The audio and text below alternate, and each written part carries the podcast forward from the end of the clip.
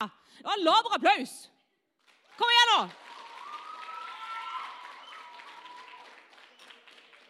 Nå skal jeg ha en konkurranse.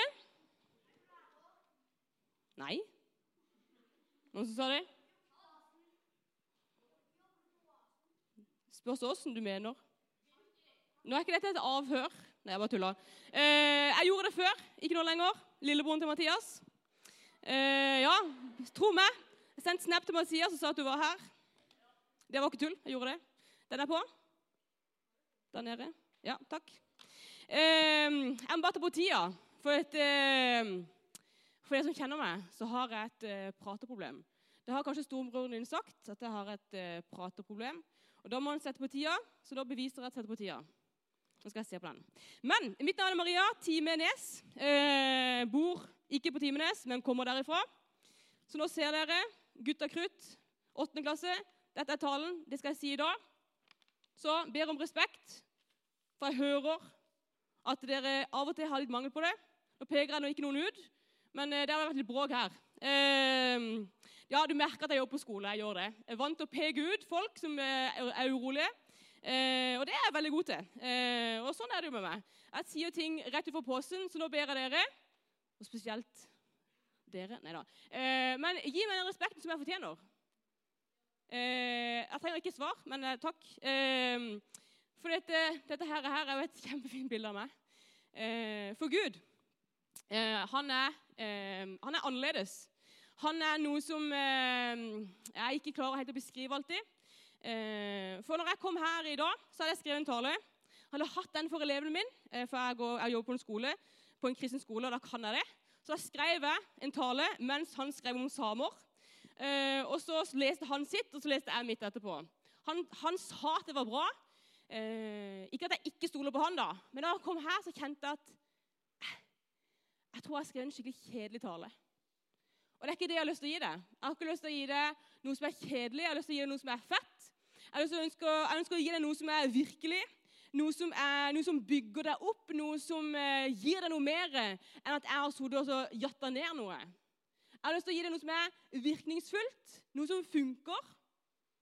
Og Den talen jeg hadde skrevet, den var, var ikke god nok. Så da måtte jeg leide i arkivet mitt. Så fant jeg en tale som jeg vet funker, som jeg vet er bra, som jeg vet er solid. Så her kommer den. Er dere klare? Nå kan dere svare. Ja, veldig bra. Eh, for Gud han er en Gud som er annerledes. Bare gå tilbake her, for han er en Gud som er annerledes. Han kommer fra et annerledes rike. Det vil si at Gud ikke opererer på samme måte som du eller meg. Eh, han er tross alt Gud. Han berøres ikke av tid eller rom. Han er over min fatteevne, og han gjør ting som jeg ikke har en anelse om åssen han får til. Og Det er vel egentlig ikke et poeng at jeg skal forstå alt, men nysgjerrig som jeg er, så prøver jeg hele tida å forstå Gud. Gutta, jeg ser dere. Ja, Her oppe så ser jeg alt. Eh, for Gud, han er annerledes. Han drives av kjærlighet. Han drives av å løfte opp det som er langt nede. Han kan snu opp ned på liv, på nasjoner, på en hel verden. Gud er annerledes. Han er så annerledes som at noe som er så aktuelt som at dronning Elisabeth døde i går. Hvem fikk mest av det? Wow, veldig bra. Dronning Elisabeth, når eh, prinsesse Diana døde hun kom, eh, De var sånn kortesje. Det skal snart skje med dronning Elisabeth også. da. De skal ta en eh, sånn kortesje med hos i kiste gjennom Londons gater. Det skal de gjøre. Og Da er det veldig sjeldent at kongefamilien står utenfor Buckingham Palace og venter der. De går til kirka og gjør seg klare der. De er jo hedersgjester, de skal jo vente der inne. Nå er det noen kongelige som dør. Men akkurat når prinsesse Diana går forbi Eller hun går ikke forbi, hun er jo død, da. Men hun trilles forbi med noen hester og denne vognen. Hun er i kista, og du hører bare det klakker og de hester som går på de brosteinene gjennom Londons gater. Da gjør dronning Elisabeth noe som er drevet av kjærlighet. Det er ikke et spørsmål. Hun gjør noe som er drevet av kjærlighet. Hun, for, for, hun har gjort det én gang. En gang i hele sitt liv. Hun ble 96 år gammel. Hun regjerte i 70 år. En gang så gjør hun noe som er så drevet av kjærlighet. Hun klarer ikke å stoppe det hun kommer til å gjøre. Hun går ut foran, foran Buckingham Palace sammen med sin familie. Og Der står hun, og når kortesjen kommer forbi, det er dønn stille. Det er millioner som er ute i gata, det er millioner som ser på TV. Og da bukker dronning Elisabeth. Dronninga som aldri bukker for noen, hun bukker for prinsesse Diana. Det kan du se på en dokumentar. Veldig interessant. Første og siste gang dronning Elisabeth gjør det, så gjør hun det for noen som er så dødelige som prinsesse Diana. Hun var ei vanlig dame som giftet seg inn i en kongefamilie. Den kjærligheten der er ikke funnet på. Den kjærligheten der er ikke bare Dronning Elisabeth er bare så fet. Hun, hun var ganske fet, da, må hun si det. Men den kjærligheten som dronning Elisabeth viste der, den bunner i noe mer. Den bunner i noe som er større enn dronning Elisabeth. Og den delen der som dronning Elisabeth tar del i, i den kjærligheten, den har jeg med meg. Den har du med deg. Den er vi alle med oss. For Gud er annerledes. Det villeste er at han er så unik og annerledes at han ønsker å møte deg, og at han ønsker å møte meg. Akkurat der du er, og akkurat der dere er. Han ønsker å møte oss. Og det er litt av en start, og det er der jeg ønsker å begynne i dag. I kveld skal jeg snakke litt om åssen eh, Gud opererer. Prøve å sette noen ord på, at, eh, på annerledesheten, og kanskje også vise deg ei side av åssen Gud er. Jeg vet ikke om du har lest andre Mosebok, men der kan du lese det i Bibelen. da, Det er jo den andre boka i Bibelen. Der kan du lese om et folk som heter israelitterne. og De er i fangenskap i eh, en by som heter Egypt. Du kan lese om en fyr som heter Moses. Du kan lese om noe som heter plagene i Egypt. Og Nå skal jeg snakke litt om eh, da Moses fikk et ganske heftig møte med Gud. Her har jeg lagd. Det er ikke så fint, men jeg har ikke tegnet dette. Jeg skal fortelle en liten historie om Moses. For Moses han ble født av eh, ei kvinne som, ikke, som, var levitt, et type folk. Og eh, ja, Moses var født av en levitt datter, altså en israelittisk kvinne. Så hun kunne ikke få lov å beholde denne guttebabyen for denne sjefen i dette landet, nemlig farao. Han var ikke så veldig fornøyd med israelittene, så han sa at alle guttebarn måtte hives ut på elva Nilen. Ikke så veldig hyggelig. Altså rett og slett forferdelige greier. Så mora til dette guttebarnet tenkte sånn der hm, skal prøve å være litt lur. Prøve å beskytte dette barnet. Så hun legger han i sånn der eh, sivkorv, eller sånn, hun har sikkert bretta den. Så legger han for å beskytte sønnen sin, så seiler det. Vær så god, vi håper det går bra med deg. Vi får i hvert fall håpe dette er i hvert fall en måte å kunne redde deg på. Så du, du sender ut en korv, håper at du ikke dør. Da ser du at han seiler her. Uh, og så skjer det noe ganske rart noe. For dattera til sjefen i landet, dattera til farao, hun er nemlig nede der med alle tjenestepikene sine, nede med elvebredden til Nilen. Så seiler lille Moses forbi her. Så plukker hun denne babyen opp og tenker hm, baby, stakkars baby, må ta vare på den. Så tar han til seg, og da vokser Moses opp hjemme hos farao. Så egentlig den verste fienden til farao tar han inn i sitt eget hjem. Så dattera passer på denne babyen, og Moses vokser opp der. Herlige greier. Men det kjipe er da at slekta og folkeslaget til Moses de, de, er slaver i Egypt under faraoen. Og det merker han når han blir større. Så ser han folket sitt og tenker bare dette er forferdelige greier, at de er slaver. Så ender opp med å drepe en soldat. Ikke bra. Ikke for vold. Eh, men han ender opp med det, og så får han utrolig dårlig samvittighet. Så rømmer han landet. Rømmer landet, bla, bla, bla. bla. Han finner seg ei kone, gifter seg, får barn, la-la-la.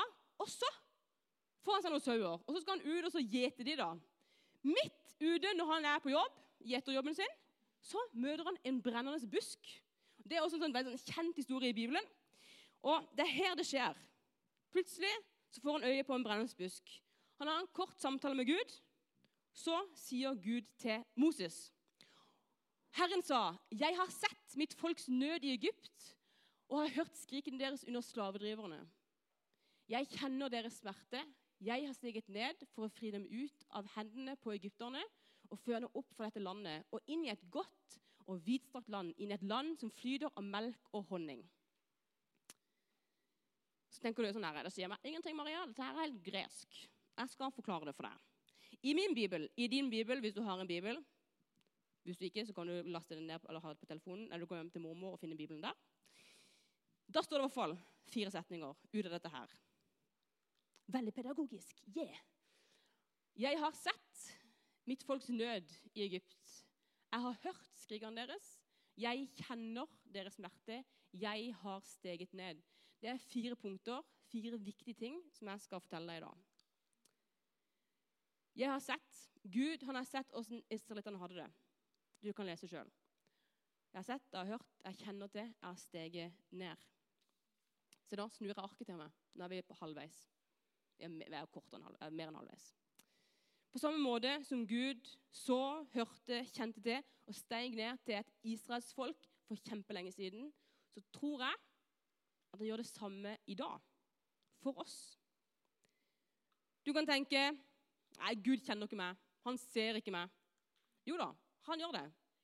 Gud ser det. Ikke på sånn creepy storebror-overvåkingsmåte. Det er ikke det jeg mener. På sånn kjærlig, god måte. Som jeg vil lære deg og vise deg den veien du skal gå. Jeg vil gi deg råd med mitt øye. Gud bryr seg om deg. Sånn, Ikke sånn litt som du tror at læreren når læreren sier sånn ja, vi bryr oss om deg. Det kan vi si, vi som jobber i skolen. Men oppriktig så gjør de det. Du, du, kan, du kan være det ikke du tror på det, men vi gjør det. Vi bryr oss faktisk om det. De voksne som er på Connect her, hvis de sier at vi, vi bryr oss om det, så er ikke det tull. Vi gjør faktisk det. Vi bryr oss faktisk om det. Og når jeg sier det, jeg som er menneske Hvis Gud sier det, Gud som er mye større enn meg, er jo, altså, er jo nada i forhold til Gud. Gud som er mye større enn meg. Han som, jeg tror at han er kongenes konge, og herrenes herre. og Han har skapt verden og hele, hele pakketet der. Hvis han sier at han bryr seg, hvis han sier at han kjenner det, hvis han sier at han ser det, ja vel, da må det bety noe, da. Må det ikke det? Det må det være noe som er sant. Jeg vil lære deg, jeg vil vise deg den veien du skal gå. Jeg vil gi deg råd med mitt øye.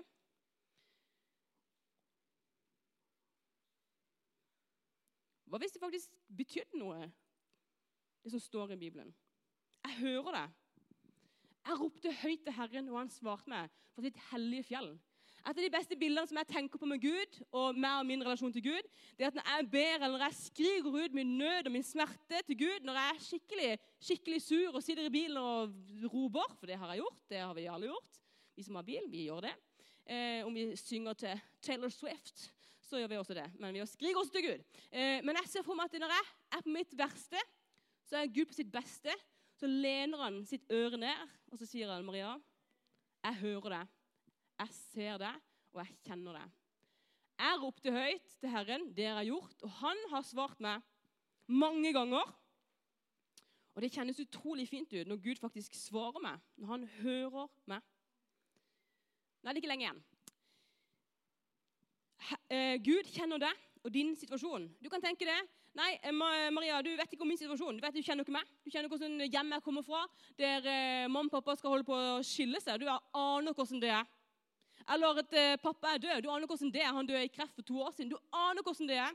Eller at eh, bestefar gikk fra bestemor. Du aner hvordan det er. Eller når jeg kommer inn i klasserommet, så føler jeg meg som verdens største skoletaper. Du aner ikke hvordan det er. Eller når jeg kommer på skolen, så har jeg ingen venner. Jeg går der, tuster rundt alene i friminuttet. Når jeg skal spise matpakka mi, så er det ingen som setter seg ved siden av meg. Det er ingen som inviterer meg inn i sin gruppe på det grupperommet. Det er ingen som gjør det. Maria, du aner ikke hvordan jeg har det på skolen. Det kan være du sitter og sier akkurat de tingene inni deg nå. Nei, jeg aner faktisk ikke åssen du har det. For jeg kjenner ikke dere. Men hvis det er noen som gjør det, hvis det er noen som kjenner det, så er det Gud. Herre, du ransaker meg, og du kjenner meg. Gud ser deg når du er på skolen. Enten jeg sinner eller står, så vet du det. Langt vekke forstår du min tanke. Enten jeg går eller ligger, så ser du det. Du kjenner nøye alle mine veier. Ja, du har helt rett. Jeg kjenner ikke det. Hvis det er noen som kjenner det, så er det Gud. Og så er det største av alt, da. Gud har sendt sin sønn for å betale prisen for all verdens synd. Han har steget ned og redda oss alle sammen. Jesus har betalt den ubetalelige prisen for du og for meg. Og evangeliet som er her, for så høyt har Gud elska verden, at han ga sin sønn den enbårne, for at hver den som tror på han, ikke skal gå fortapt, men ha et evig liv. Disse punktene for meg vil alltid være en påminnelse om at jeg alltid kan komme til Han. For han ser meg, han hører meg, han kjenner meg, og han har steget nær. Jesus har allerede steget nær. Han har det. Kanskje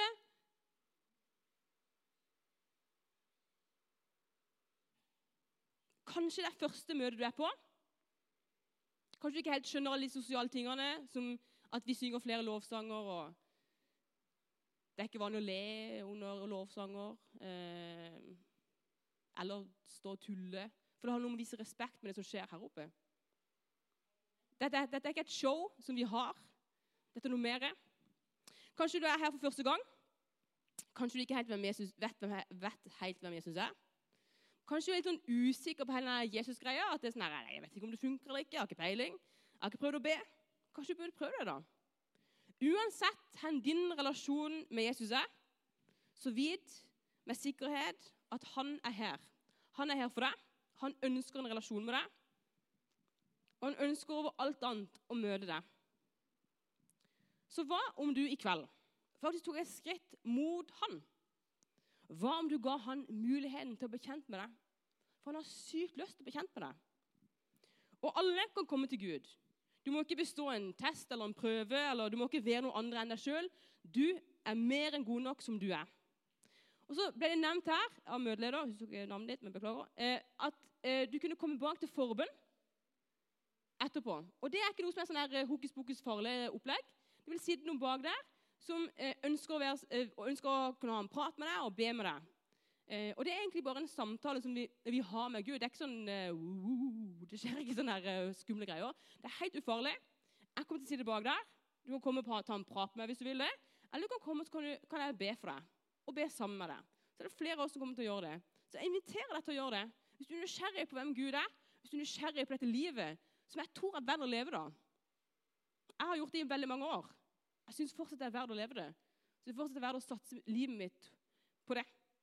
For det er en trygg og god grunnvoll å stå på. Nå skal jeg be en bønn, og så kan Åstine komme opp. Vær så god.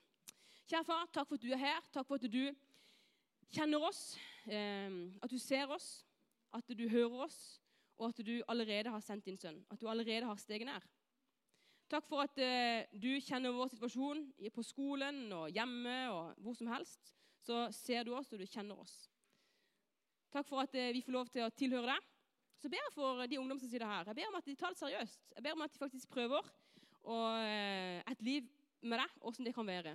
For potensielt kan det være livsforvandlende. Jeg ber at du velsigner dem i Jesu navn. Amen.